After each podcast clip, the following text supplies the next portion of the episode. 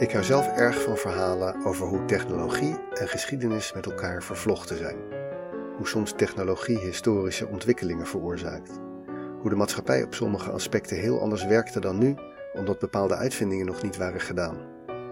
Over 100 jaar zal men misschien verbaasd terugkijken naar de enorme industrie en infrastructuur die wij draaiende hebben om olie uit de grond te halen, over de hele wereld te transporteren in allerlei onvoorstelbaar dure fabrieken te bewerken en uiteindelijk in de fik te steken. Vandaag hebben we het niet over vuur en het maken van warmte als het koud is, maar over het maken van koelte als het warm is. Hier is Nooit Geweten, aflevering 26.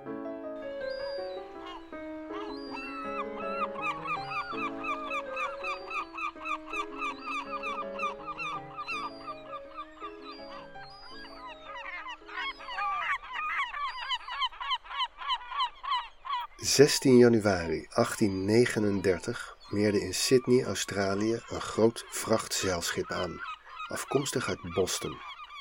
Ik zeg Australië, maar dat land bestond nog niet. Sydney was de hoofdplaats van de Britse kolonie New South Wales. Eerst was het een gevangeniskolonie, maar inmiddels was het zich aan het ontwikkelen tot een eigen bloeiende economie. In 1839 woonden er nog maar 35.000 mensen in Sydney maar in de dertig jaar daarna groeide het uit tot een bloeiende stad van 200.000 inwoners. En dat bruisende, die onstuimige groei, die hing in de lucht. Het klimaat van Sydney is subtropisch. In de zomer best warm, rond een graad of 30 normaal gesproken, met uitschieters naar 40 in de warmere weken. In de winter wordt het zelden kouder dan 10 graden Celsius. De lading van dat schip, dat dus aanmeerde in januari, hartje zomer, de lading van dat schip was ijs, grote blokken bevroren water.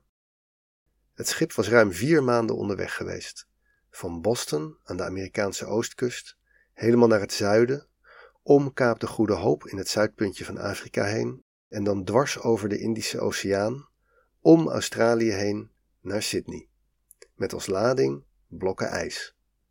Die blokken ijs zaten niet los in het ruim, ze zaten verpakt in een soort grote kratten die vol zaagsel zaten ter isolatie. Die kratten zaten goed dicht, maar smeltwater kon eruit weglopen, want lucht isoleert beter dan water. Dat ruim met die grote kisten was ook weer hermetisch afgesloten. Zo vertrok het schip uit Boston met 400 ton ijs aan boord en meerde vier maanden later aan met nog zo'n 250 ton aan ijs over. In een bruisende handelsstad waar de zomer bloedheet kon zijn. Een paar dagen later schreef de Sydney Herald dat voor de kapitein van het schip een standbeeld moest worden opgericht vanwege de verrukkelijke sensatie van iced punch op een warme zomerdag. De eerste lading werd gekocht door een lokale zoetwarenwinkel. Meneer Jamin, zeg maar. Het werd gebruikt voor dure gekoelde drankjes, ijslollies en medische toepassingen. Er werd op advies van de bemanning van het schip snel een ijshuis gebouwd, een pakhuis dat goed geïsoleerd was, zodat de ijsblokken daar lang goed konden blijven. Die eerste lading ijs smolt natuurlijk toch langzamerhand weg, maar ze waren er heel voorzichtig mee. En toen in de zomer van het jaar erna het volgende schip met ijs de haven binnenliep, was de voorraad nog steeds niet helemaal op. Wat raar eigenlijk. Waar komt ineens een schip met 250 ton ijs vandaan dat niemand besteld had? Waarom voer dat schip helemaal van Boston naar Sydney? Zoals meestal was dat helemaal niet zo raar als je de historische context van die tijd kent. Maar voordat we dat kunnen begrijpen, eerst een stapje verder terug in de tijd. Het is al zo'n 400.000 jaar geleden dat de mens de baas werd van het vuur. Dat de mens de techniek beheerste om wanneer maar gewenst vuur te maken. Dat veranderde alles. We konden vlees roosteren, en later ook groenten, knollen en granen koken en op die manier voedingsstoffen vrijmaken die daarvoor niet toegankelijk waren. Het warm maken van ons voedsel was een cruciale stap in de ontwikkeling van de mens. Het omgekeerde, het temmen van de koude, gebeurde pas veel recenter. Het is voor ons moeilijk voor te stellen hoe het leven was voordat we koude konden maken wanneer we het nodig hadden. Vooral voor de houdbaarheid van ons eten hebben we een complete koude infrastructuur opgetuigd. Voordat we dat hadden, werd eten gezouten, gerookt of gekruid om het langer houdbaar te maken. We legden het in zuur of we lieten het fermenteren of we deden het steriel in wekpotten. Zoute spek, gedroogde paddenstoelen, gerookte paling, stokvis, droge worst, zuurkool, kaas, jams, potten appelmoes, wijn, augurken en uitjes in zuur. Allemaal trucs om ons eten lang houdbaar te maken, zonder koelen en vriezen. Veel soorten eten waren helemaal niet houdbaar te krijgen. Die aten we alleen vers. De biefstuk of de carbonade moest gegeten worden binnen een dag of twee na de slacht. Dus werd er bij de slacht van een varken zoveel mogelijk direct verwerkt tot gezouten hamma, gerookt spek, droge worsten, zure zult. Met de rest werd een feestmaal aangericht voor buren. Het moest toch allemaal binnen twee dagen op. Bijna alles wat we vers aten was product van het seizoen. Het werd geoogst en dan snel opgegeten. Fruit, groente, vlees, vis. Als het geoogst, geslacht of gevangen was, moest het snel op. Alleen de allerrijksten hadden in de zomer koelte. Als je een kasteel bezoekt, is er vaak ergens op het domein een ijskelder te bezoeken. In de winter, als er ijs lag, werd de ijslaag van de kasteelvijvers en slotgrachten gehaald, in stukken gezaagd en in de ijskelder opgeslagen. Die ijskelders werden goed afgesloten zodat er niet te veel warmte bij kon komen. In de zomer werd er regelmatig wat ijs uit de kelder gehaald om in het kasteel te kunnen gebruiken voor gekoelde dranken en om eten goed te houden in een ijskast. Dit was natuurlijk alleen haalbaar voor de allerrijksten. Dan, aan het begin van de 19e eeuw, verandert er iets. In New England, dus de Amerikaanse staten ten noorden van New York, waar de zomers heel warm zijn, maar de winters bitter koud, daar gebeurde het wel dat boeren in de winter het natuurijs opsloegen om het in de zomer in New York op de markt te verkopen. Allemaal vrij kleinschalig. Dan, in 1806, is er een ondernemer, Frederick Tudor, later bekend als de King of Ice, die het plan bedenkt om het ijs van die boeren op te kopen en het niet op de markt te verkopen, maar het per schip naar het zuiden te transporteren, naar de zuidelijke staten en naar de Caribische Britse koloniën. Daar was het altijd warm en zou dus lekker koud ijs, de enige manier om koelte te maken, een mooie prijs hebben. In het begin ging dat nogal moeizaam. De lading smolt regelmatig helemaal weg en de klanten in het zuiden waren wel geïnteresseerd, maar ze hadden daar van oudsher natuurlijk helemaal geen ijskelders en ijspakhuizen, dus de handel smolt binnen enkele dagen weg. Maar Tudor gaf het niet snel op en begon op de meer welvarende plekken in de Caraïbe zijn eigen ijspakhuizen te bouwen. In Havana, Cuba bijvoorbeeld. En in zo'n ijspakhuis kon je een scheepslading ijs wel een jaar bevroren houden. Ook werden ze steeds beter in het bevroren houden van de lading aan boord. In New England waren veel houtzagerijen, dus zaagsel was gratis. Ze construeerden kisten waarin grote blokken ijs omhuld werden door zaagsel, maar waaruit smeltwater kon weglopen. Dat hield de blokken veel langer intact.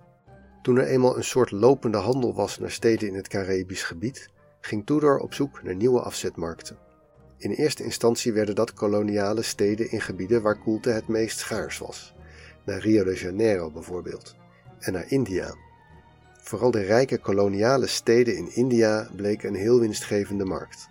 En zo kwam het dat in 1839 ook dat schip in Sydney aankwam inclusief de technische kennis om ijs een jaar lang goed te houden in een ijshuis. Maar dat was nog maar het begin van de ijshandel. Nu markten over de hele wereld het ijs uit New England wilden afnemen, begon het kapitalistische systeem manieren te zoeken om hier meer en meer uit te halen. Tudor kreeg natuurlijk concurrenten. Er kwamen technische innovaties, met name op het gebied van het uitzagen van eenvormige blokken ijs. Er ontstond een meer gestandaardiseerde handelsroute in ijs. Het ijs werd in de winter gewonnen op meren in New England. Dat gebeurde met vooral paardenkracht. De uitgezaagde blokken werden opgeslagen in grote pakhuizen langs de rivieren, vanwaar het per schip werd getransporteerd naar de grote steden aan de kust, zoals Boston en New York. Ook in die steden ontstond een infrastructuur van geïsoleerde ijspakhuizen. Vanuit de havens vertrokken dan vervolgens schepen over de hele wereld.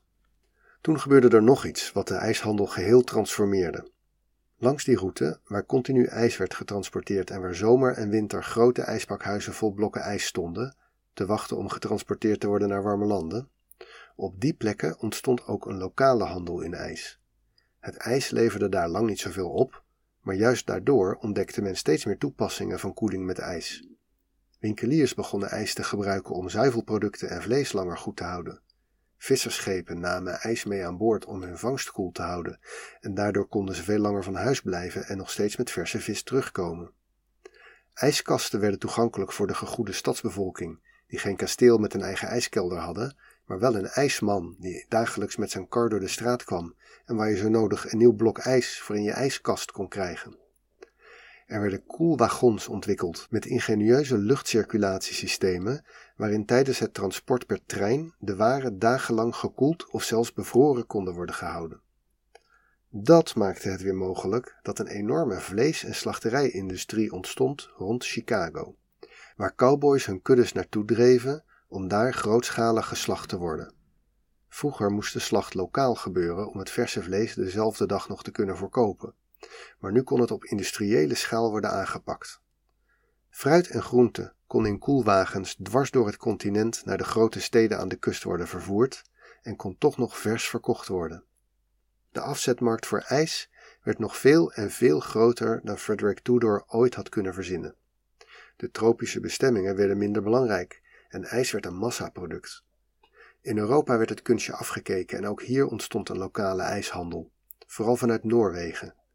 Net als in New England werden hele meren in de winter van hun ijslaag ontdaan en per boot naar ijshuizen in Londen, Hamburg en Parijs verscheept. Maar New England bleef de hotspot. Op de top werkten er in de ijshandel in Noord-Amerika zo'n 90.000 mensen en 25.000 paarden. Per jaar werden er 24 miljoen ton natuurijs geoogst. Het is niet makkelijk om van die industrie nu nog iets terug te vinden. Uiteindelijk werd het natuurijs ingehaald door de techniek. Het idee om zelf koelte te maken met technologie was al best oud. De eerste werkende systemen stamden al uit de 18e eeuw, maar ze waren heel duur. Ze waren gebaseerd op het laten verdampen van vluchtige stoffen zoals ether. Je had er dus heel grote hoeveelheden ether voor nodig en dat kon je niet hergebruiken. In 1834, dus rond de opkomst van de internationale ijshandel, werd er voor het eerst een werkende machine gemaakt die telkens nieuwe koelte kon maken door gassen samen te drukken en weer te laten expanderen. In het begin weer met ether, maar al snel met ammonia. Het systeem werkte, maar het ijs wat ermee gemaakt werd was niet mooi helder zoals het natuurijs uit de Amerikaanse meren. En het was soms vervuild met ammonia. Dat ruikt niet zo lekker en je wilt het ook liever niet opeten of drinken. Het was ook duur, maar op de plekken waar het natuurijs het duurst was, zoals bijvoorbeeld in India en Australië, daar sloeg het toch aan.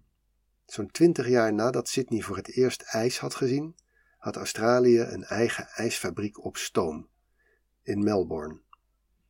Ook in India ontstonden in die tijd ijsfabrieken. De natuurijshandel was toen nog lang niet op zijn top, maar vergeleken met de opgeschaalde aanvoer van ijs die inmiddels in de Verenigde Staten was ontstaan, bleef kunstijs heel lang heel duur. Het kon concurreren met zeilschepen vol ijs die helemaal naar de andere kant van de wereld moesten varen, maar niet met regionaal geoogst ijs dat je alleen maar goed geïsoleerd op hoefde te slaan tot de zomer. Maar de techniek werd langzaam beter en goedkoper, en naast de enorme bulk aan natuurijs groeide ook de handel in kunstijs. En waar het kunstijs in het begin een slechte naam had qua vervuiling en chemicaliën, daar draaide die verhouding op een gegeven moment om. Door de schaal van de handel werd uit bijna ieder meertje en plasje wat maar dicht voor ijs gewonnen, ook als het water daar niet al te fris was. De omwenteling begon toen er in de jaren 1890 een paar zogenaamde ice famines waren. Ik weet er geen goed Nederlands woord voor, een, een ijshongersnood. Een paar keer kwam het voor dat de winter ongewoon zacht was en dat veel meren niet dichtvoeren of althans niet dicht genoeg om er veilig met meerdere paarden op te gaan staan en daarnaast een wak te gaan zagen. Toen ijs nog vooral werd gebruikt om drankjes te koelen, was zo'n slechte ijsoogst geen ramp. Maar nu, de hele infrastructuur van slachterijen, gekoelde spoorwagons, koelpakhuizen, winkels met koeling en hun waren op ijs, dat alles zakte in elkaar zonder ijs. De prijzen van ijs schoten omhoog. Dat soort ijsnoden waren er in eerdere decennia ook al wel eens geweest, maar de maatschappij leunde inmiddels veel zwaarder op de beschikbaarheid van ijs en de techniek was voorhanden om een betrouwbaardere bron van koude op te zetten. Binnen enkele tientallen jaren kwijnde de hele handel in natuurijs weg. Dit was aflevering 26 van Nooit Geweten. Het idee voor dit onderwerp kreeg ik door een presentatie van Michiel Dro. Bedankt voor de tip. De oplossing van de fotopuzzel was de pagina iStraight op de Engelstalige Wikipedia. In het Nederlands bestaat er nog geen pagina over dit onderwerp. Nooit Geweten is een hommage aan Wikipedia en alle informatie die je hebt gehoord komt daar vandaan, of soms, zoals bij het verhaal over het eerste ijs van Sydney, van bronnen waarnaar Wikipedia linkt. Je vindt meer details over dit onderwerp via de links in de show notes. Daar vind je ook een Wikipedia fotopuzzel waarmee je kan uitpuzzelen waar de volgende aflevering over gaat. Veel dank aan alle schrijvers die hebben bijgedragen aan de artikelen, aan de makers van de muziek en natuurlijk aan jou voor het luisteren. Als je deze podcast fijn vindt om naar te luisteren, schrijf dan even een positieve beoordeling waarin je uitlegt wat voor mensen deze podcast zullen waarderen. Kijk even in je podcast-app of waar je ook luistert of dat daar kan. Heel erg bedankt.